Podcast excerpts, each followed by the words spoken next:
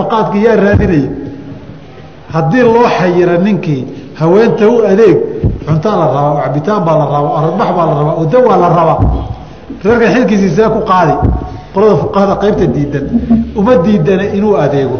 Laakiin waxay leeyihiin xilkiisii inuu guto iyo mas'uuliyaddii reerka. Adeegna u xanibnaado labadaa masale way isburinayaano way iska hor imanayaan. Laakiin markaan galbeedka tagnay bay xujadaasi naga soo baabaaday. Waayo labadiiba cayr baa la siiyayo way joogaano midna noo shaqaysto. Haddaba ciladii haddaad halkaa ka sheegto waa lagu muxuu soo shaqayn? Dowladdaa cayr siiso oo halkaa magaca islaantaana lagu soo qoraae isagu meesha cuntububa isaga soo dooda wa kal reerkana curat buu ka yahay markuu ugu roon yahay. Muxuu kaloo ka yahay.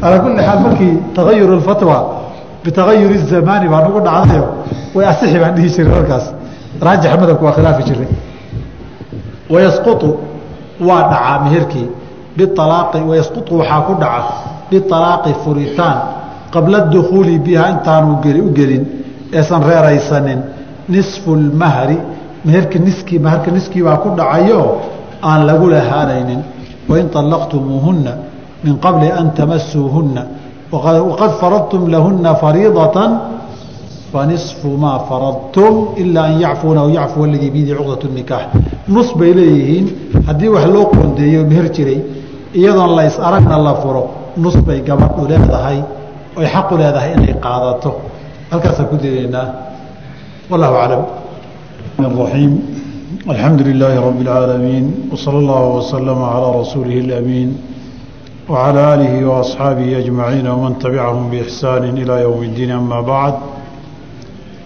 waxaan soo gaarnay halka mualifku yihi fasl wاlwaliimaةu calى اlcursi mustaxaba halkan wuxuu leeyahy mualifku raximah اllahu tacaala waliimada amada waxoogay maamuuska iyo ducada la sameeyo markay reerku isguursadaan ay aqalgalayaan wuxuu leeyahay ducada la samaystaay walwaliimatu ducada la ducaysto ee raashin lagu cuno ama xataa hilib iyo xoolo la qalay lagu daro calal cursi arooska iyo aqalgalka mustaxabbatun mid sunno ah oo wanaagsan weeye bimacnaa sunna mu'akada weeye waa siday culimmada muslimiintu u badan yihiin. Waalijaabatu in la ajiiboo la tago ilayhaa ducadaa lagugu yeerayna waajibatun waa waajib ilaa min cudurin cudurdaar inuu jira maahane markan mualifku raxima allahu tacaala fasalkan waliimada wuxuu kaga hadlay saddex masalo masalada koobaad waa xukumka waliimada xukunka waliimadu culimmada muslimiintu waxay u badan yihiin inay sunno tahay amarka uu nabigu amray cabdiraxmaan ibni cawf radia allahu canhu wa ardaah inuu amru istixbaabin wa nadbin yahay saasay u badan yihiin nabiguna calayh salaamtu cabdiraxmaan ibni cawf arkay. Baa wuxuu yidhi cabdiraxmaana waa sidee astaamo iyo calaamado inaad guursatay baa kaa muuqata. Madiinana la wada joogay. Markaasuu rasuulka ilaahay waan guursaday. Intaasaanan gabadhii meher uga dhigay. Wax dahab oo u dhigma laftimireed miisaankeeda u dhigma. Nabigu wuxuu yihi awlim walow bishaatin. Neef ari ana ha noqdee waxoogay ducayso dadka ha kugu sugu yimaadaan. Waxay ducada iyo aroosku ka mid tahay baabka iclaanu nikaaxi. Guurka in la iclaamiyo oy dadku wada ogaadaan labadan qof waxaa dhex maraya xiriir sharciga ku bannaan oo ay xuquuqi ka dhalatay inay yihiin. Asalka nikaaxa in la iclaamiyo dadka loo sheego oy dad ogaadaanna waajibkiisa waxaynu ku soo marnay washaahiday cadlin baa ka mid ahaa haddaba xukunkaa sunnada ah culimmada qaar way jiraan qaba shaaficiyada qaar ka mid ay yihiin inay waajib tahay maadaama daahirka amarka la isamray in la tagana ay waajib tahay. Masaladaasi waa masalada xukunkeeda amaa nooca ay noqonayso waliimadu nin waliba waxa uu awoodo weeye.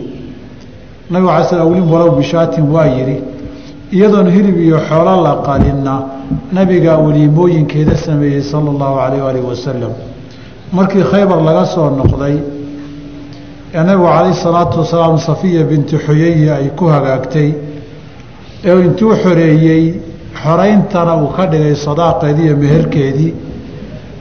Waa kii dhexda marka la soo socday waxoogay raashin oo markaa un la watay intii la isku dardaray oo xoogay harga yar yarahoo gogol ahaan iyo meel waxa lagu cuno ahaan loo fidiye la dul saaray.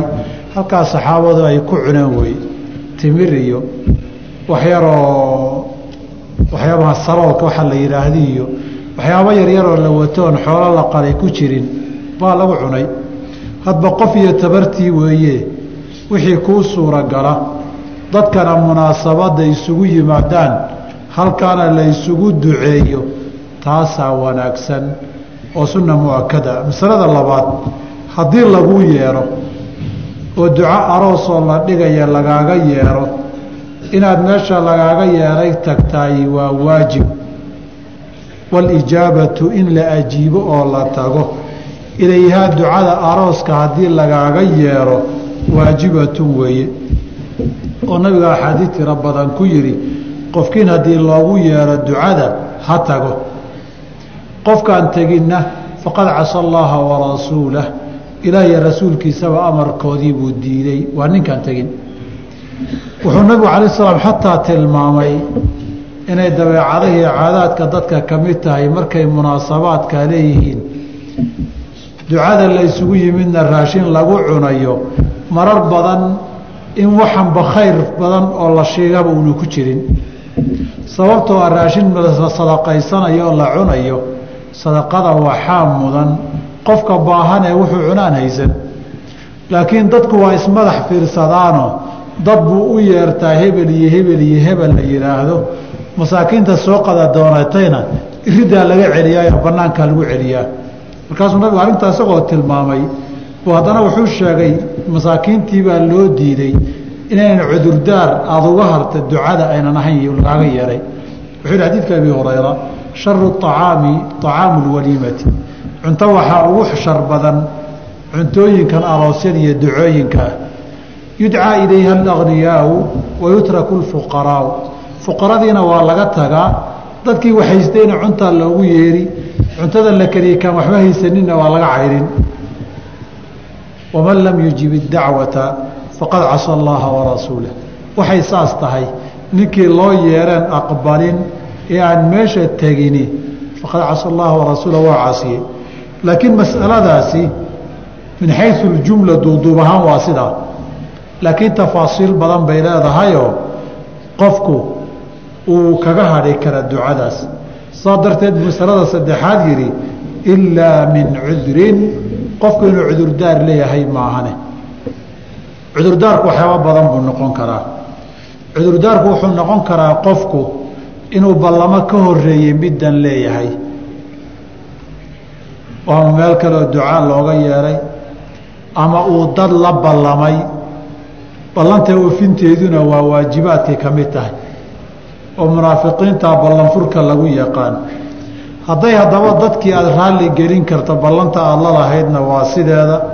Haddii kale waajibkii saabiqa ahaa ee horeeyey mid laaxiqa oo gadaal ka yimid looga tegi maayo maxaa yeelay waajibkan laaxiqae goortuu dimadaada iyo qoortaada ku tacalluqayaay dimadaadu waxay mashquula ku tahay waajib ka horeeyey oo axdiga ballanaad gashaya walidaalika waxay soo gelayaan qaacidada la yidhaahdo almashquulu laa yushaqalu wax mashquul ahaa mashquul labaad ma noqdo qoor uu nini leeyahay xoolo uu nin leeyahay qof labaad lama yeelan karo. Allaahumma isagu biridaahu maahane haddaba dimadaadii waqtigaas ahdi iyo waajib aada gashay ku mashquulsanaydi ma ku tacalluqi kara waajib labaad oo acdaartay ka mid tahay. Acdaarta waxaa ka mid a in meesha munkar ka dhacayo. Munkaraadka meeshay ka dhacayaanna ilaahay baa qur'aanka ku reebay in la tago. Waidaa ra'ayta aladiina yakhuuduuna fii aayaatina faacrid canhum xataa yakhuuduu fii xadiiin gayri ilaa ay wax kala galaan. Meel munkar lagu haya ha tegin. Haddii aada halmaantood meeshaasi unu tagtana oo wixii maadan ogeyn ama waad ogeydee waad halmaantay meeshii adoo dhex taagan baa is aragtay falaa taqcud bacda dikraa maca alqowmi aalimiina dhe marka. Markaad xasuusato markaaba deg deg uga bax meesha munkarku uu ka socdo. Haddaba meeshan ducada la isugu yimid hadday meel munkar ka dhex socdo tahay oo hoballo loo yeelo oo fanaaniin la keeno oo meesa dhaansi iyo jaas lagu ciyaarayo oo rag iyo dumarku saa isu wada dhex muruq leeyahay oo waxaan rabbi raalli ka ahayn ka dhacayo falaa taqcud bacda dikraa maca alqowmi aalimiina baa reebiyo cudurdaaraad kaga hadhi kartay leedahay bishari inaadan munkarkaa zuulin karin. Haddaad munkarkaa zuulin karto ama tegitaankaaga uu ku zuulayo amaba ku yaraanayo. Qaacidada sharcigu waxay ahayd waxaa loogu talagalay dar'u lmafaasidi aw taqliiluhaa mafsadadii inaad wada baabi'iso ood ka wada hortagto xumihii haddaadan ka wada hortegi karin ood yarayn karto inaad yarayso. Taasi waa baabka amri bimacruuf oo xadiidka abi saciid baa kuu imano falyugayirhu biyadihi falyugayirhu bilisaanihi falyugayirhu biqalbihi bay noqon. waxaa ka mid ah acdaarta in qofku uu xanuunsan yahayoo aanu tegiba karin meesha. qof xanuunsan oo aan tegi karin ama takhtar u socda ama gurigaba jiifa iyo wixii lamidka ahaa. laakiin cudurdaar ma aha inaadan wax cuni karin. oo xataa qofkii soomanaa baa la yidhi haddii lagu yeero tag meesha oo haddii aadan wax cunayninna dadka u ducee falyadcu. Ha duceeye isagu. Marka anigu raashinkaa waan ku xanuunsadaa iyo raashinka aroosyada ducooyinka la keena calooshaa lagaga qabtaa cudurdaar looga hara ma aha meesha inaad tagtoo ducaysaa lagaa rabaa hataa haddaad rabto soomanow laakiin waa qof xanuun aan la tegi karin. Waxaa kaloo cadaarta kamida bay yidhaahdaan hadday taklifo leedahayoo ay kharash ku gelinayso halkan aad joogtaa aroos waxaa lagaga yeedhay mambaasiya naykuru ka dha naykuru ka dhacaya de waxaana lagu yidhi lagaa bixin maaye baska adigu iska soo bixi. Ee baska inaad bixiso sii socod iyo soo socod. Oo habeenka aad joogtayna hotel iska bixiso oo sii socod iyo soo socodba intaasoo kharasha bixiso oo intaasaad samaysaay waajib kuguma aha inaad tagtaa waajib kugu ah laakiin taklifadan iyo kharashkan inaad bixisa waajib kuguma aha haddii lagu yidhaha taxi soo qaado haddii lagaa bixinaya la garay. Laakiin adu jeebkaaga isdabar hadday tahay dacwadiiyo weliimada lagugu yeedhay ka mid ma aha inaad adugu xooli iyo kharash bixiso. Saas darteed meeshu hadday takliifiya kharash tahay oon lagaa bixinaynna waa cudurdaar qofku isaga hari karo isagu maal inuu ku bixiyo uu ka baaqsan karo intaasina aynu kaga baxno baabulwaliima laakiin welimada xadgudubkeeda iyo ka badbadinteedana ma wanaagsana. Inta ugu badan ee dawaahirta la ogol yahay ilaa saddex maalmood wey maalinka labaad inay dad cunaan maalinka labaadna dad la marti qaado maalinka saddexaadna dad la marti qaado. Aimada qaar ba waxay yidhahdaan wixii intaa ka badan faan iyo waxaa weeye kibir iyo istutus wey. Taana waxaa loo ogolaaday yidhahdaan qofkani asxaabtiisi iyo qaraabadiisu inay badan tahay baa laga yaabaa. Hal waqtina aanu isla wada heli karin ama iyagaan waqti wada haynin ama isagaaban meel qaada haynin. Tan kama hadlaya lagama hadlayo hadda innaga hoolasha la kiraysanayo. Welimo aroosoo la qabto. Midii anugu aan joogay meeshay ka dhacday ma tegin goobtee laakiin magaaladay ka dhacday aan joogay waxay ahayd weliimadii arooskii ducadii ay labaatan iyo shan kun oo doolar ku baxday. Kaloo maalinkaa ragaan ku jiro ninkii ducadaa sameeye waan habaaray. Ninku hotel shiriton la yihahdo u kiraystay. Lacagtana bangi buu deyn kaga soo qaatay kharashkaa ku baxayey ninka sidaasa ee xoolaha arooska ku bixinayey hooyadii gaajay u dhimatay. Intuu wax u diri waayey alla kuma barakeeyun baa nidhi. Ninka ribana soo qaatay waxaasoo fisqi iyo fujuur badanna meel hotel shiriton isugu keenay. Hooyadiina kaga bakaylay inuu wax uga taro. Dhowr nin baan ahayne markii sheekada naloo sheegay annagoon is ogeyn alla kuma barakeeyaan mar nidhi. Waxay soo gaartay lacagtii deynteena isagoo loo haysto gabadhiina intay iskhilaafeen ay kala tageen laa ardan qaaca walaa dahran abqa gaadiidka dhabarkiisiina gaadiidkii lama nasinin meel dhulla lama goyninoo meela lama gaarin soomaalidu si kale ay u tidhaahdaayo idinku cabirta haddaad rabtaan marka weliimadan iyo ducooyinkan huluwiga lagu samaynayo kharashka iyo xoolo badan lagu bixinayo qofkii guursanaya reerka dhisayeyna dayn iyo wax badan inuu galo lagu qasbayo guurkay xiri oy xanibi.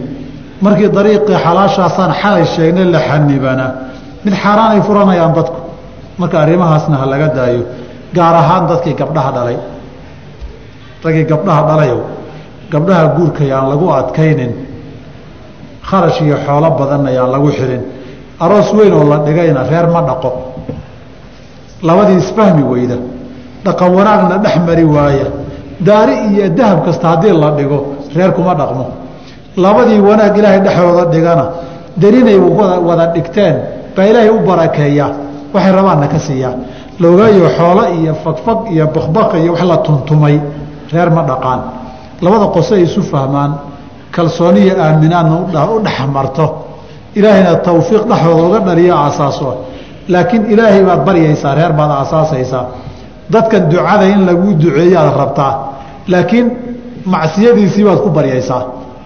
Ilaahu reerkay aan ku caasiye ii barakee ilaahayow guri aan dembi ku aasaasa inaad barakaysaan kaa rabaa wax habboon ma aha faslun fasalkanna wuxuu ku saabsan yahay fi lcadli bayna annisaa'i ama fi taswiyati bayna annisaa'i ninkii hal haweena ka badan qaba ama hal xaas ka badan leh waxaa waajib ku ah haweenkiisii cadaalad inuu ku sameeyo. Hadduusan cadaalad samayn karin oo aanu isku kalsoonayn cadaaladda laga doonayo guurkiisa mid inuu isaga ekaado baa ilaahay qur'aankiisu ku dhiirigeliyey. Wain khiftum anlaa tacdiluu fawaaxidatan haddaad ka baqdo inaad cadaalad samayn weydo ood garsoorkeeda samayn weydo hal mid isaga ekow qofkuna qof kastoo inaga midihii sida haalibka ah wuu isyaqaanaa dadka kale waxaan jirin waad u akrin kartaa. Laakiin adigu daacad iyo cadaaladaad u xisaabtanto waad is ogtahay waxaan garanayaa xilli aan filayo siddeetan iyo sideeddii miyay ahayd baan magaalada nairobi joognay. Nin oday ah baa xaas hore u lahaa buu xaas labaad guursaday. Marka wuu fogeeyo waa dhoomiyo wuu qarinayay annagoo meel fadhinaa waxaa niman ku yidhaahdeen marka ay sheekaysanayeen. Niyahu maad waxaan iska sheegtay iska caddaysi wuxuu yidhi hadday ogaato anu waan isaqaanaayo laba iskuma hayn karo. Midun baa tegi. Waan isaqaanaa aniguyo laba haweena ma wada hayn karo. Intay kala qarsoon yihiin weeye hadday qaraxdo. Midun baa tegi. Waxaa laygu yidhi waagii dambe xaajadii way qaraxday tii dambaana tagtay. Nin isyaqaanu ahaa soomaha ninkaas saa inaa isu taqaanaa la rabaa. Uu qiyaasi karaa qofku walow xuduud loo ogo xuduud awooddiisa ka baxsani jirto. Cadaaladdu laakiin waa shay asaasi oo waajiba walidaalika waa ilaah yidhi fain khiftum man laa tacdiluu fawaaxidatan laakiin cadaaladda la sheegayo waa cadaaladda mucaamilada iyo dhaqanka ah oo jiifka iyo habeenkiia oo ka warqabka iyo daryeelka guuda oo ah biilka iyo nafaqada iyo deegaanka iyo daweynta iyo caafimaadka ah intaa muuqatee qofku falka eraygiisa iyo falkiisa wey waxa laga doonayo laakiin arrimaha qalbiga la xiriiraayey waa arrimo awoodda aadamaha ka baxsanoo ilaahay baa qur-aanka ugu cudurdaaray walan tastaiicuu an tacdiluu bayna الnisaaءi walow xarastum falaa tamiiluu kula اlmayli fatadaruuha kalmucallaqa waa dhaqan soomaalida ku badan bahda dambe odaygu intuu raaco tii dambe laa muطallaqa walaa musawaja inay noqoto. Naag la qabana maaha naag la furo madax banaanna maaha. Fatadaruuha kalmucallaqati baa laga dhigaa waa dhaqan aada xun oo inagu soomaalidu leenahay duquna markuu laba xaas yeesho kii dambeunbuu ku urursadaayo bahyarta agteeda unbuuba iska degaa kuwii kale waaba iska halmaama islaantaa way dhalmadayso oo caruurteediiy maxay rabtaa uu leehay oo adiguba waa dhalmadays baad ku dhowaatay soo waxdoon meeshu ma fadhidid. Marka ilaahay ha laga boqo nabigan calayh salatu salaam qofkii arrintaas samayn waaya wuxuu tilmaamay qiyaamada dadka wuu ka socnaan doonaa. Cuquubo gaarana ilaahay waa ku sallidi doonaayo isagoo dhan u qalloocu qiyaamada iman doonaa maadaama inuu toosnaado la rabay labada dhinacna cadaaladu u sameeyo dhinacna uu u batay isagoo dhinac u qalloocu iman doonaa waana sidii sunanku ay wariin abi hurayra ninkii laba haweena qaba oo midood u bata cadaaladiina ka tagaayay qiyaamaduu iman isagoo dhinac u qallooco labadiisa dhinac mid ay qalloocay u iman doonaa marka la arkana waa la garan kuwa reerahoodii cadaalad u samayn waaye wey. Wataswiyatu in la simo haweenka fi lqasmi qaybta bayna azawjaati haweenka dhexdooda waajibatun weeye xadiidka daahirkiisana wuu ku tusay aayadduna cadliga in loo qaybiyo inay waajib tahay bay ku tustay waxaana ka sugan nabigeena calayhi salaatu wasalaam caaisha radi allahu canha o ardaha ay ka warinayso xadiid xasan oo ay leedahay nebigu kaana laa yufadilu bacdana calaa bacdin fi lqasami min muktihi cindana. Nabigu calayh salaam qaarka iyo qaarka kale la joogitaanka iyo la bariga iyo qaybta uu qaybinayo nama kala nooma kala badin jirin. Mid walba toon intuu siiyo in leeg buu siin jiray. Wala uu jira xadiidu la leeyahay nabigaa yidhi calayh salaatu wasalaam rasuulkii ilaahay ilaahay buu isagoo baryaya ilaah waanu qaybtaan awooday waan sameeyey. To aanan awoodinoo qalbiga ha ii qaban laakiin xadiidkaasi ma sugnoo xadiid sanadkiisu uu daciif yahay weeye oo aan sugnayn. Kan kalaak laakiin sugan ah inaanu u kala badin jiray nabiga calay salaam. Xataa markaad xanuunsan tahay hal mid baan iska joogi lama ogola. Walidaalika nabigeena alay slam geeridiisii xanuunku u geeriyoon doono. Inta uu xanuunsanaa maalinba waxaa la geyn jiray habeenka tuu ku soo aadanaa gurigeeda. Baa loo rari jiray. Ilaa markii dambe haweenkii laftoodii ay yidhaahdeen meel guriga caaisha halkaa iska joog. Adigaaba lafahaga adigu xanuunsane. Oo iyagu raalli ka noqdeen xaqooda ay ka tanaasuli karaan wey marka qaybintu waa waajib. Qaybinta la sheegaya ee waajibkaahi qofku ay ku xihan tahay. Ma habeenkiiba mise waa maalintii?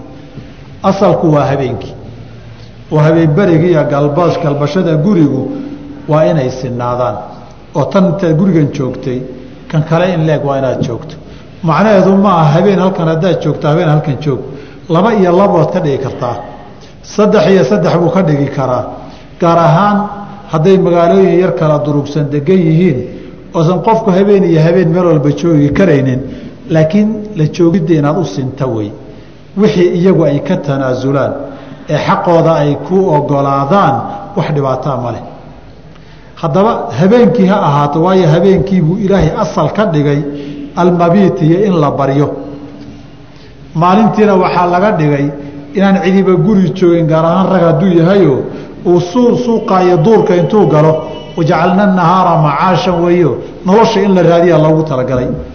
Laakiin qofku hadduu habeenkii nolosha raadiyo maalintiina uusan uu guri joog yahay isaga maalintiibaa xukunkii habeenka qaadan sida nin waardiyo oo kaleeto. Nin waardiyo habeenkiibu wax waardiyeeyaa maalintiina waa hurdaa maalintii u qaybin isagu saas darteed qaybtaa waajibkaa qaar baa laga soo reebay. Laba qaybood oo dumarka ka mida qaybtaa waa laga soo reebayoo qayb saasa in loo siiyo waajib ma aha. Midda koowaad waa ti iyadu xaqeeda ka tanaazushee iyadu tiraahda waan kaa cafiyey iyada oo reer isqaba ah.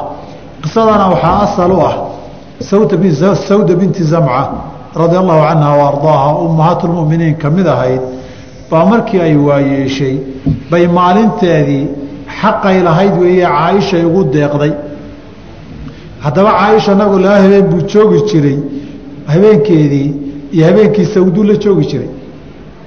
Sawdana wax qayba ma lahayn waa xaqeedii oo iyadu ay ka tanaasushay oo iska cafiday wey. Qofna ay siisay qofkaay siisaa qaadan. Waxaa labeeya haddii guurkuba ku salaysnaayoo heshiisku ahaa inaan habeen la soo galbanin ama qayb aan lagu yeelanin waana nooca loo yaqaana zawaajulmisyaarka mararka qaarkood danta iyo duruuftu nabigu wuu tilmaamay calayh salaam taasoo kaleeto inay dhici karto. Wuxuu tilmaamay qiyaamadu inaanay dhici doonin ilaa ragguna yaraado dumarkuna bataan. Ilaa ninkiiba konton haweenoo dumara ay ku soo hagaagaan oo hal nin markii la arko konton haween iyo dumara la arko haddaba konton dumara hadday yimaadaan raggii hadduu nin walba xataa afar guursado inta in leg bay boqolkiiba ka gaareen. Boqolkiiba tobaneeyo labiyo toban wax saasoo kale saddexiyo toban. Wey intii kale taasi waxay tilmaamaysaa bay yidhaahdeen waxaa waayihii dambe aada u dhacay waktiganna aada u badan oo zawaajulmisyaar la yidhaahdo zawaajulmisyaarku waxaa weeye gabadhu ninka markay isguursanayaan ninna way u baahan tahay. Laakiin biil iyo kharash ogama baahna. Duruufo kaloo la xiriiro iyada ama shaqo ama da ama caafimaad baa waxaa keeni kara inay guurkii ay la gasho dantiiyo duruuftu inay ninkii tiraahdo warniyahow bilna kaama rabo. Hoyasho iyo habeenna kaama rabo xilligaad wakti heshuun isoo mar. Saa darteed hadda magaaladeennan nairobi way ka jirtaa. Nin reerihiisa qaar habeenkii gurigiisa u soo galbada. Maalintiina haslaan kale meelaha ku qabo way jirtaa sooma iyadoo haddaynan raalli ku noqonin arrintaa ma dhacdeen. Haddaba danti iyo baahidu waxay keentaa in nin iyada u go-a ay weydo guurkiina ay u baahato ubadna ay doonayso. Haddaba hadda iyadu nafaqadeedii ka tanaasusho waa xaqay leedahay ka tanaasushay oy cafiday. Qaybtii hadday ka tanaasushana waa xaq bay u leedahay. Markaad wakti heshana soo mar hadduu heshiiska guurku yahay de waa xaqeedii ka tanaasushay uno baabu zawaaji ilmisyaari wey. Inaan qiil banaynayana igama aha. Laakiin qaybta goortay waajib tahay baa warka ila galay laakiin halkaa qiil banays ugama jeedo. Masalada qaybintu inay waajib tahay oo masalo daahirka naskuna ku tusay culimmada muslimiintuna sida ibnu qudaama fi lmuqni uu ku soo guurinayo uu leeyahay culimmada wax khilaafa oo dhexdooda ka taagan weli maanaan aragoo ma ogin.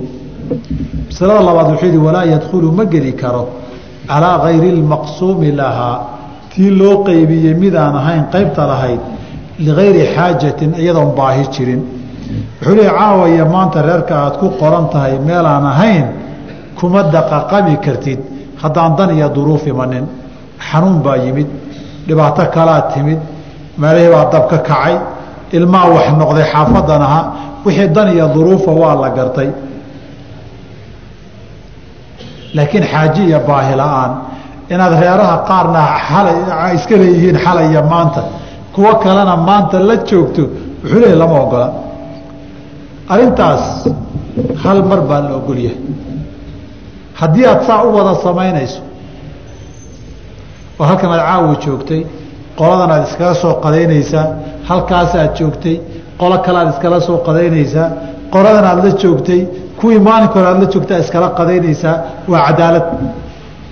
Laakiin habeenkiina waa simannahay maalintiina hal qolo keliya aan ku qornahay qaybtana habeenkoodii kule maalinna u gaar tahay baa la diiday. Haddaba halka laba masaleynu sheegnay. Cumuuman inaan la ogolayn asal waxaa u ahya masaladan kaleba xadiidka caaisheen soo sheegnay haweenkii inuusan nabigu kala fadili jirin. Baa waxay leedahay laba arrimood bay sheegaysaa. Wa kaana qalla yowmun ilaa wahuwa yatuufu calayna jamiican. Waxaa yarayd bay tihi maalin uusan haweenkiisoo dhan soo wada marin fayadnuu min kulli imra'atin min gayri masiisin qof kastaba waa u soo dhowaanayay waa salaamayey laakiin xiriir gogoleed ma dhex maraynin xataa yabluga alatii huwa yowmuhaa fayabiitu cindaha ilaa wareegii soo gaara guriguu ahaa halkaasuu markaa baryi jiray halkaa waxaa ka muuqata maalin kasta halkan hadduu joogo inta kale wuu soo wada maray kan markuu joogana wuu soo wada maray haddaba haddaad wareegii iyo maritaanka u wada samaynayso dhib ma laha aan tii qaybta lahayd aan ahayn aada si gaara ugu yar dhowaatana caaisha lafteeda sheegto waxay tidhi sawdaa ii timid. Waxay tihi dhawaa waa yeelay. Nabigana calayhi salaatu wasalaam inuu iska fasaxaan ka baqayaae maalintaadiiba maalintaydii baan ku siine waxoogay iga sasabay tihi caaishana waa yahay bay tiri way heshiiyeen. Isagoo guriga sawdo jooga bay caaisho intay soo labisatay bay xagga ugu timid oo markaasay ag fadhiisatay. Markaasuu wuxuu ku yihi ilayka ilayki canii yaa caaisha caaisha iga durug buu yihi fa inahu laysa yowmaki maalintaadii ma ahee xaggaa durug buu yihi xaggaa iga durug. Markaasa waxay tihi waxma ogide fadliga ilaahay qofkuu doonuu siiyaa. Qisadii bay uga sheekaysay in maanta iyadu ay leedahay sawdo ugu deeqday halkaa daba nabiga hadalkiisa markuu leeyay maalintaadii mehe iga dheerow xaggaa iga yar durug halkaa waxaa ka muuqata in si gaara tii lahayd midaan ahayn aan si gaara loogu faradhuubnaan karin. Wixii xaaji iyo baahi keenta waa baabkeeda. Waidaa araada hadduu doono asafara safar buu doonay.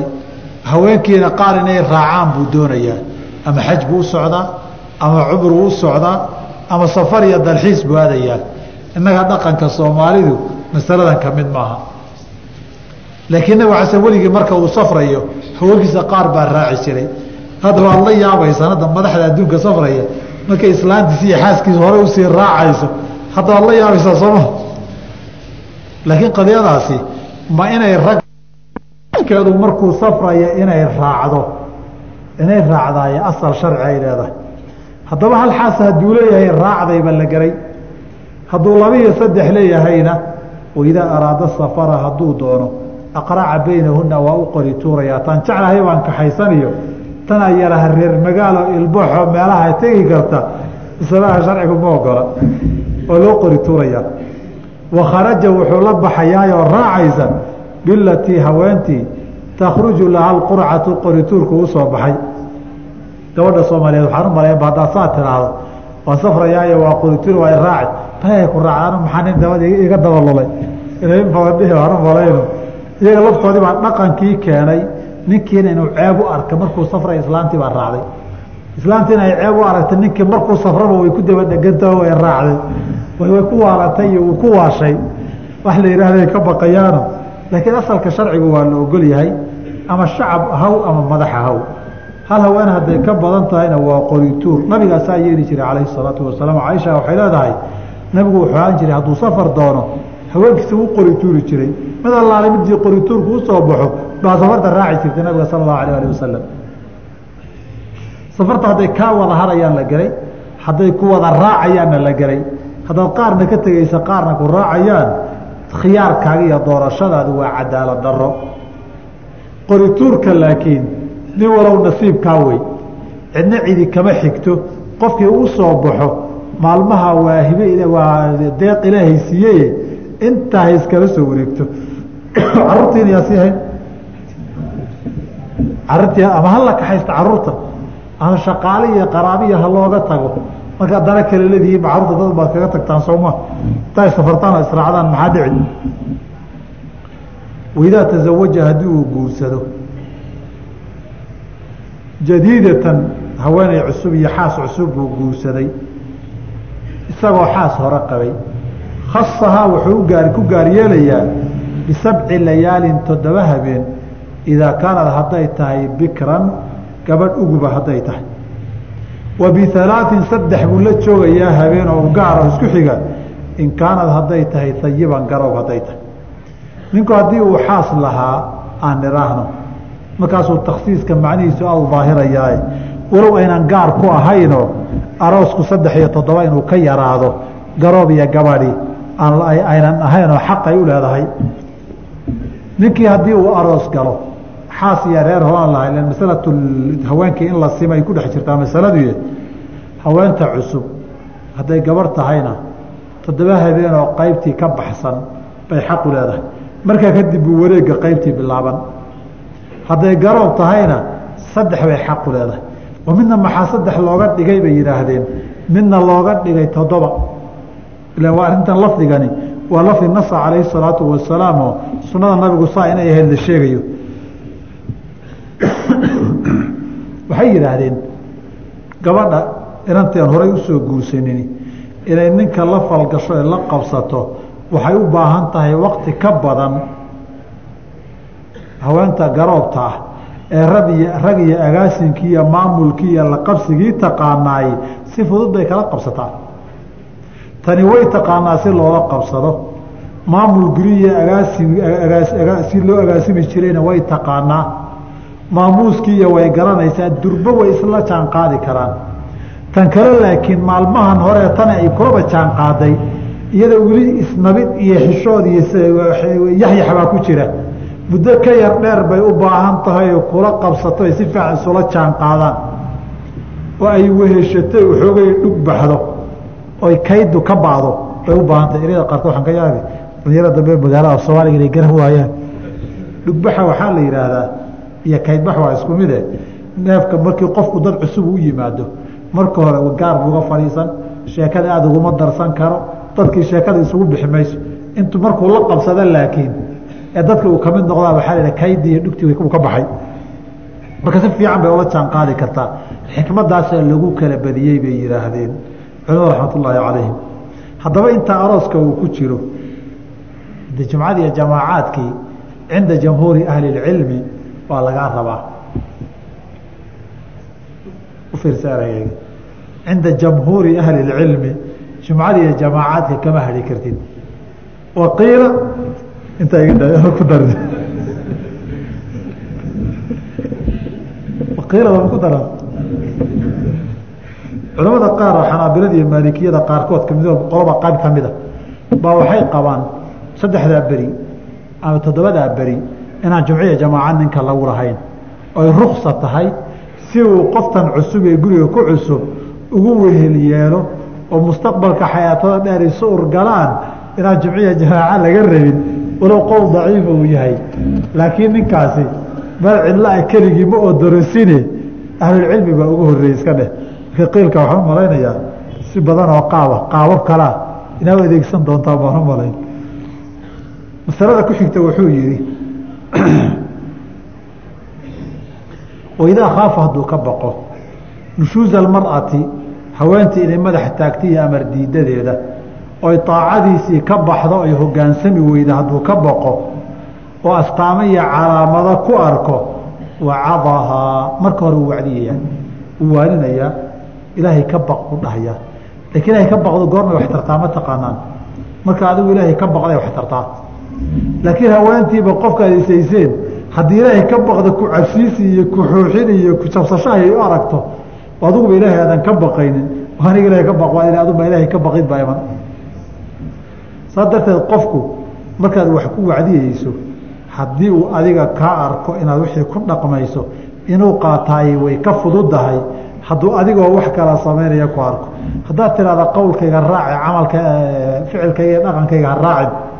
Salaada tukada adnaadan jamaacada aadin oo iska fadhido. Ama aada noqoto hadda kuwa masaajida ka adaamay xaya cala asalaa xaya cala alfalaax yihaahda iyaguna aan tukanin. Muadin labaatan sano aadaama oo weligii salaad tukanin ma qashan. Dunida way ka jirtaa muslimiinta maanta. Wadanka tunisia la yidhaahdo ninka muadinka ah iyo ninka aqimo waa kala laba. Anu waxaan kala garan lahay tunisia. Ma dhul muslimiin baa mise dhul gaalo. Anu kala garanayo horta qof waliba masaajidka uu ku tukanayo kaad buu leeyahay. Markaad timaada security baa taagan oo kaarkaaga waa inaad la soo baxdo inaad jamaacada masaajid ka tirsantaha. Dhowr maalmood haddaad ku tukata meelaan jamaacadaadi ahaynna xarunta sirdoonka iyo booliiska iyo dembi baaliyaasha lagaga yeeliyo maxaad ka qabataa meeshan ma degenida kaagaad ka diiwaan gashay maxaad aadi weyde mushkiladda horta waddanka way ka jirtaa. Dadkuna iyagoo banaanka iyo meelo banaan jooga hadday salaadii ku qabato kuma tukan karaan masaajin aad la aada wey. Halkan meel kastoo idinku qabato meelaha baakinada iyo meelaha beeraha dalxiiska salaad jamaaca kuma ogi kartaan. Waa la sxiri dadka dhalinyaradaana masaajid kuma badan karaan. Ninkii habeenkiis xilli hore kacee nalka shita dhowr maalmoodna ciidamada dabagalku way u yeedhaan. Xilligaa maxaad u kacdaa baa la dhihi. Argagixisaad soo wada argagixisnima soo wadaa miya wadanka waxaa ka jira caadi maa hadda yar fuudaatay waxay ahaan jirtay gaba haween dumar oo madaxa wax u saaran yahan nafta hadday ka baxayso xataa albaabka isbitaalka lama gelin karo. Horta madaxa ka fayd marka wadanka waxaa ka jiri iyo halkan waxaad ku haysataa soala waxaad u kala fog maaha. Wadakaasa waxaa ka mida muadinku waa shaqaale wuu aadaamaa keliya. Aqimkana nin kaloo shaqaala aqima. Waktiga saacaduu fiirsadaa wuu yimaadaa hadduu rabo wuu furaa wuu aadaamaa horay wuu furihiisi alaabtiisu xirtaa uu iska baxaa. Maba soo noqdaba aqimle lagama rabe muadin aan tukanin meelaha qaababkaasa lagu helay. Dowladdaana shaqaalayso. Dan kamala hadduu tukadiy saacaddii un aadaanka inaad ku dhawaaqdo wey ama joog masaajka ama tuka ama tukanin shaqadooda maaha. Labaatan sano muadin tukanin. Qisooyinkaasay leedahay. Marka haddii la aadaamo wuxuu yidhi waa inuu wacdiyaa. Ninka hadduu ku wacdiye de dadka soo dhacaye dhiigga soo daadiyey ee xoolo booliya xaaraana haysta ilaahay ka boqo xoolaha muslimiinta u celi hadduu ku dhaho miyaad ka yeeli nin guri uu dhacay degan baa qolo guri qabsatay u tago wuxuu dadka muslimiinta guryaha uga baxa waa kaa degan tahay gaalo maale kaa degan tahay muslim ma laha miyaa. Maxaa u banaa inuu aamuso?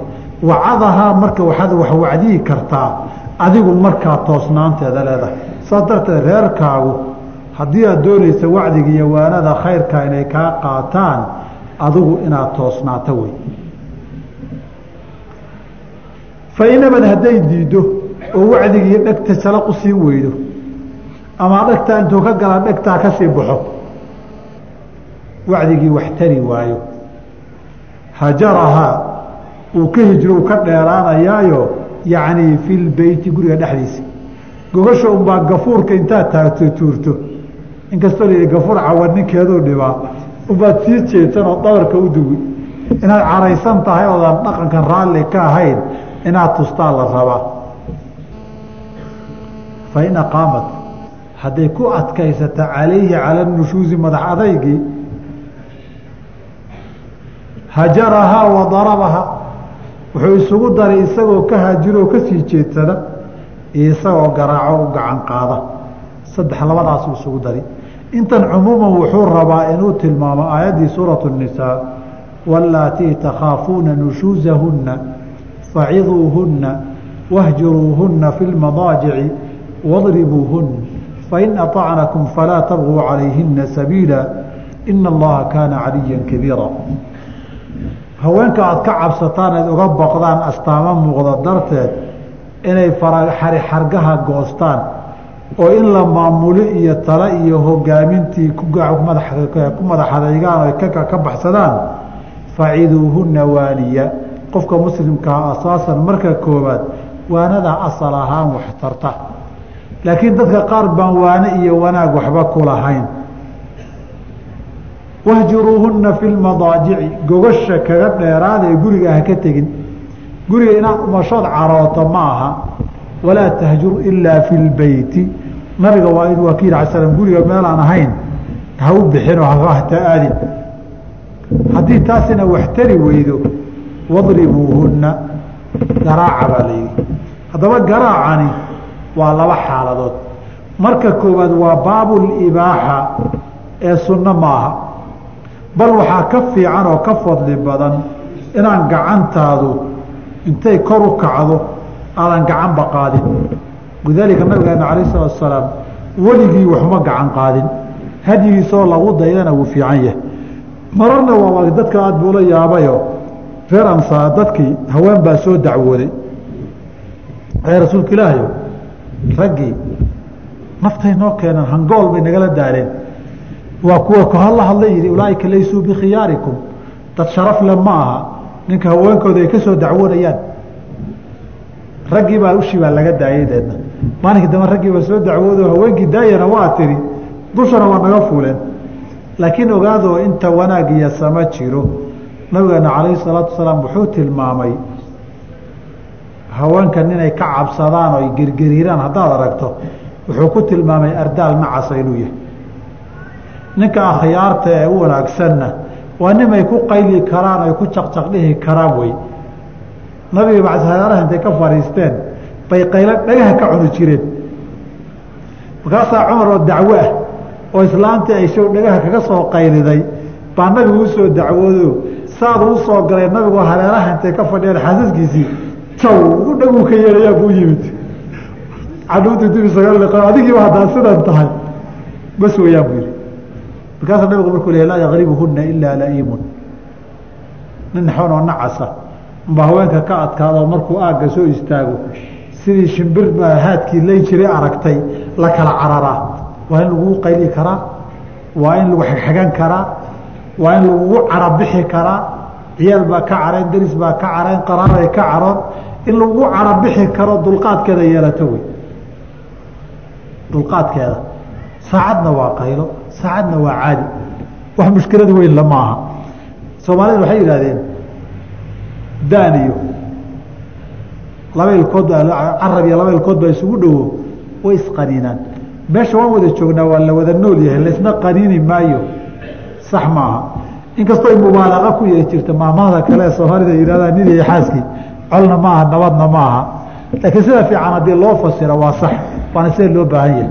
Colna ma ahano dad colloobay oo kale tagay oo xiriir kala goostay oon isla hadlin ma aha dad nabadoo weligood wada nabad oo nabad ku wada joogana maahe caadina waa loo wada joogaa marna waa lasyar qallacaa waa laisqanina taa inaad ogolaan karta wey marka wadribuuhunna inaad ka badaysaa fiican saasaa fadli badan. Laakiin dadka qaar baa sidiisaba shariicada guud ahaan dadka qaar baa sidiisaba waxoogay in la yar cabsiiyo maahane aan sida kalee dabacsan waxbaba ku lahayn. Shariicadu markay mawaacid soo dejisay baab kastoo axkaamta shariicada cuquubaadna way dejisay. Xoolaha dadka in lagu xadgudbo way reebtay ninkii xadana cuquubaa loo dejiyey waayo dadka qaar baan ciqaab inuu ka cabsada mooyeen alla ka cabsa inay xanibin. Qof muslima in la dilo dembi weyn baa laga dhigay laakiin qofkii ku tallaabsadana dil iyo xuduud baa loo dejiyey. Sababtoo ah qaar baan waanadigu aqgelin cabsi ay gashaa. Walidaalika nabig ala slam waa kii lahaa arrintaa isagoo tilmaamaya usha waxa lagu xanuujiyo. Xataa haddaadan isticmaalaynin guriga meel dadku wada arkayaan baa ushaada la sudhaa oo mararka qaarkood marka wax dhacaan usha isha markay ku dhacdo waxoogay yarbaqdin baa dad badan geli. Reerkana qaybo kamida caqli ma laha xaniba laakiin cabsi dadkuna markuu wax baranaya caqlihi cabsi mid wuxu bartaa. Markuu yar yahay cabsi wax ku bartaayo waa lagu garaaciyo waa lagu dili waxyaaba lamidka haddii garaaci ay ka fursan weydo kan soomaalida ma aha. Ee haweenkii hangoolka si loola dhacayey feeruhu wada madoobaadeen madaxuna wada dakran yahay ma aha kaasi xaaraan qaطcan oo itifaaqan wey tilmaamo dhowrna buu ka bixiyey. Horta garaacaasi intaa madaxa iyo wejiga lama ogola inuu waxtaabto meelaha khatarta ee loo dhintee beerka iyo wadnaha iyo kelyaha iyo lama ogola meelaha khatarta. Halkaa gumarada ee hoosiya lama ogola. Walaa tadrib fi lwajhi nabig ala slam waa kii ku yihi xadiis saxiixoo ka sugan abahz ibn xakiim can abihi can jaddi uu ka wariyey. Tilmaanta labaad ee garaaca laga doonayo oonusan garaac iyo nabarqaad xoog badan oo adag usan noqonin. Xataa gacmo iyo lugu iyo dhabar iyo haddii lagaga dhufanayo wax xoog badan oo aada u xanuujiya waa inuusan noqonin. Walidaaligu nabigu ka reebo laa yajid axadukum imra'atahu jalda alcabdi sida addoommada aad u garaacdaan u karbaashtaan haweenkiina ha u karbaashina buu yidhi markaasuu wuxuu yihi sidee buu ku dhici kartaa? Qof inuu maanta intuu dilo hangool la dhaciyo bur la dhaco haddana uu caawiyo maalinta gelinkeedii dambe reer ka dhigtoo la seexda say ku dhaci kartaa? Qofku waaba dishay. Soo ka baqi maysid ciilkii weli inuu hayo goortaad gamaada caloosha mindiya wax lagaa geli. Taana dilkuna gacanqaad xoog badan waa inuusan noqonin. Gacanqaadka xoogga badnaa intaa lagagama harine waa in dil aad gacan qaaday uusan jirkeeda barar ku reebin. Nabar halay oo barar muuqaalla waa inuusan noqonin. Walidaaliku nabigeena ala slam wuxuu yihi haweenku hadday amarkiina diidaan fain facalna fahjuruuhuna fi lmadaajici wadribuuhuna darban gayra mubarixin garaacaynan jirkooda bararinin. Culimadu maxay yidhahdeen marka? Fuqahada shaaficiyada iyo fuqahada kale waxay leeyihiin waxaa looga jeedaa caday iyo marada cimaamadoo saa loo yar duuduuboo lagu tuuri iyo oo inaad caraysantao xaaladdu dagaal kaa maraysa la dareensiiyey intaa wey wax ka sii weyn maaha. Intaasoo dhan shardi baa ku xihan markaad samaynayso. Shardiga ku xihan asaas ahaan waxaa weeye inaad qiyaasayso saa haddaad yeesho in wax iska bedeli karaan. Laakiin haddaad ku qanacsan tahay haddaad xataa u gacan qaadood wax ku tuurto waxba iska bedeli maayo gacan qaadku xaaraan wey sababtoo maslaxad amay wax ku waansantaabaa looga jeeday. Haddaabaad ku qanacsan tahay inayna waxba taraynin. Iska mujarad ictidaa iyo xadgudub buu noqon. Xadgudubkana lama ogola. Arrintaas maxaa loo ogolaaday marka? Waxay noqotay waxyaabaha. Maanta markii iskuullada laynoo dhigay iyo markii meediyaha iyo jaraa-id iyo markii waxoogay gaaladu yimaadaan iyo meelaha la maagmaagay ka mid tahay. Laakiin qadiyad baan idiin sheegi mogtay qowmka markaad la noolaato markaad qowmka la noolaato baad xaqiiqadooda barataa. Kuwa meelaha hadda halkan waxaa jooga cashirun xagga galbeedka laga soo yeedhiyey bay ina ka bowsadeen waxna ka barteen. Mujtamacan galbeedku horaan idinku sheegayo waxay rumaysan yihiin qaacida laakiin qoyska markii la yimaaday jebiyaan. Unug kastoo dadoo wax isugu imanayo wax wadaagaya waa inay madax iyo hogaan yeeshaan bay yihahdeen hadda kambaniya shirkad haddii la aasaasayo oo dowladda ka diiwaan gelinayso magacyo siman ma lagaa yeeli? Hadda kambanigan waxaad u samaysay cooshad xun oo wax yar yaallo. Waxay ku leeyihiin may meel baa la furay dukaan iyo ganacsi yara dad dhowraa ka shaqaynaya qof madaxa mas'uula waa inuu jiraayo inta kale ka dambeeyaan. Meel yar oo wax lagu baranayaad furtay waa inuu mid ka dambeeyaa mid u koreeyaa madaxa yeeshaan. Haddii kale waxba ma kala soconaya kuleeyihin waxbaa la iska wada hor meel la wada simaya qoyskii ugu qaalisanaa kan wuxuu soo saaraa sigaar baa meeshan lagu gadaa tanna tubaakaa lagu gadaa tanna beriis iyo nacnac baa lagu gadaa. Laakiin halkan waay qoysku wuxuu soo saaraa warshad soo saaraysa bini aadam wey. Iyaga waxay yidhahdeen may madax uma baahne in garba siman la noqdo wey. Halkaasay bahashu ka soo qaldantay. Saas darteed asaasan qoyska jiritaankiisa baa fikirku ka qaldan yahay qadyadan. Saynu ka qaldan yahay ku garan hay'ad kasta ama shirkad kastoo hoggaan iyo maamul sara leh. Shaqaalaha hoos yimaadaay shirkaddu hadday qaladaad sameeyaan xeer ciqaabeed baa la ogolyahay halkan laakiin haddii qaacidadii lagu dabaqo oo duqu reerka odaygiisii noqdo haweentana qaladaad ay samayso qaacidada saxdaa waxay ahayd in xeer ciqaabeed la ogolaado laakiin tan waxaa la yidhi wixii bini aadamka qaaligaa soo saari jiray maamul uma baanee madax siman wey haddii afar xaboo sigaar iyo istiigyadiisa la gadayana waa inay maamul yeelataa la yidhi. Horta halkaasay ka dheeliday bahashu xaraf alif ku jabay haddaba. Albaqra kuma hagaaga soomada maqal. Halkaa markay ka jabtay qoyskii baan jiritaankiisu lahayn. Waa shirkad wada degan oo sheer ku biilki iyo nafaqadii iyo kharashka say u qaybsan lahaayeen saas darteed iyaga kuma jirto waxyaabo badan oo xeerka qoyska ah.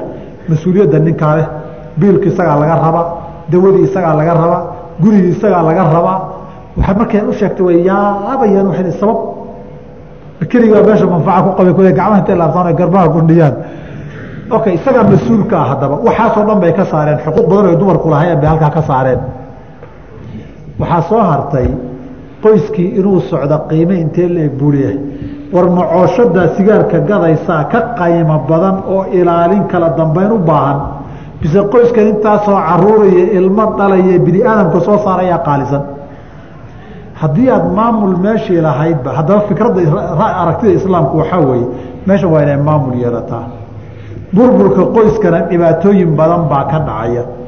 Dhibaatooyinkaas sidii looga hortegi karo wixii dhibkii ka yaree lagu baajin karana waa baabu irtikaabu akhafi dararayni wey. Iyagu qofka waxay leeyihiin dumarkii maxaasaa loo yeelay halkaa joog maxaa loo yii waaa kan loo yihi xorriyadda looga qaaday. Ama saa loo yeelaya xorriyad baa laga qaaday yihahdeen shirkadda markay maamul tahay shaqaalana aad tahay ma iska bixi kartaa markaa haddana fasax ma iska aadi kartaa sababtoo shaqadii iyo socodkii hawshaa ku xiran hogaan iyo mas'uulka idan inaad ka qaadato wey. Halkan maadaama hogaankii ay diideen bay wixii ka dhalanaya oo dhan bay diideen. Sheekada maalinba qodob baa lagu soo qaadiye asalkaasay ka qurunsan tahay. Saa darteed gabadhu markay baxayso waa inay idan qaadataa kala dambayn ay meesha jirtaa. Markii qalad yimaado maamulka sare waa inuu go'aan ka qaataa hadduu qaladkan xeer ciqaabeed ama qaab dhaqaalaa ama qaab edbinoo lagu soo rogayo la arko. Wax ku hagaagayaan. Waa in la sameeyaa. Aakhirka de hadday ninkii shaqaalihii shaqayn waayo ama reerkii socon waayo in la kala tago shaqaalihiina shirkadda shaqada laga saaro soo maha qadiyatu alaaq aakhirka tegaysa qadiyadaasoo kaleeta wey iyadoo tani ay ka mudan tahay daryeelkaas baa halkaa xarafku markuu ka jabay baa waxa ka dambeeya o dhan ee beentiya barabagandada a laydi dadka loo akriyaa sidaas darteed qadaayaadkani waxay ku salaysan yihiin qoyska jiritaankiisu hadduu burburo. Waxaa ka dhalanaya ilmihii oo dayacan intaasoo ilmaha markay dayacmaanna beri duurka inay galaan iyo mafaasid baa ka dhalan. Haddii wax yaroo tallaabooyin la qaado ta'diib iyo idbina lagu badbaadin karo qoyska in lagu badbaadiyuu mudan yahay. Qofku sidiisabana xataa qawaaniintoodu waxay ogoshahay qawaaniin rabbaaniyana ay qiraysa ay xaqiijinaysaa qofku marka uu dembi galo iyo marka aanu dembi gelin isku xuquuq maaha qofka dembi loo qabsada lagu haysta banaanka intii laga qabtaa xabsi la geliyaa sooma oo xorriyadda maxaa looga qaaday? Kii kalea dembi geli lama soo qabane. Qaladka uu sameeyey baa sababay in waxyaabo uu xuquuq u lahaa uu waayo. Ama cadaadis iyo ciriiri gaara lagu soo rogo. Dadkaa unbay ka mid yihiin ardayda dugsiga dhigata.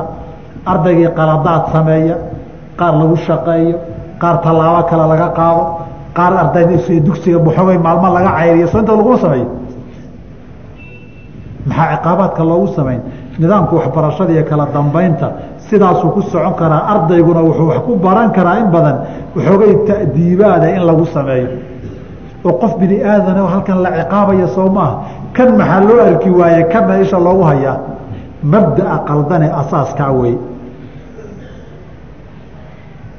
wayasqutu waxaa dhacaya binushuusi nushuuskaa iyo tamarka baxaas qasmuhaa qeybteedii iyo wa nafaqatuhaa biilkeedii iyo kharashaadkii ay u baahnayd arrintaasina arrin jamaahiiru ahlilcilmi ay qabaan oo ku salaysan asbaabta ay nafaqada iyo biilka iyo qeybta u yeelatay waa inay tahay ninkan reerkiisii oo maamulkiisii iyo taladiisii ogol oo ku socda taasi haddii la waayo oy say doontay isaga tashato ama waxaan doonaan samayn noqoto reer la maamulo oo qawaamadii ogol ma aha.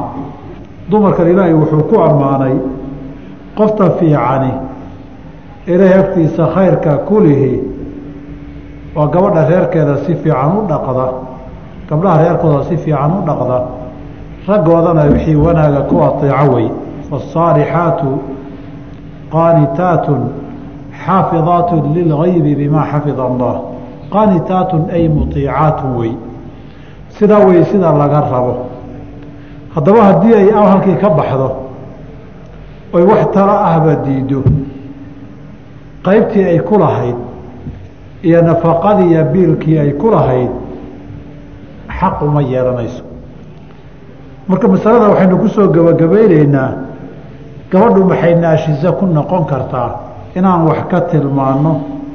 Ilaa waa mukhtasaroo ma wada gaarneen waxaa ka mida bay yidhaahdeen inay baahidii guurka iyo xaajadii guuree la isaga baahnaa bilaa cudurdaar ay diido. Mara bay cudurdaar yeelan kartaa cudur iyo xanuun baa jiri kara.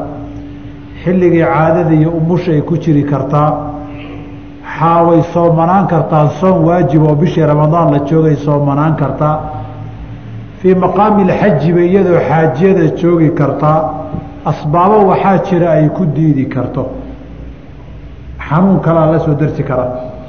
Haddayn cudurdaar sharci oo la aqbali kara aynan lahayn.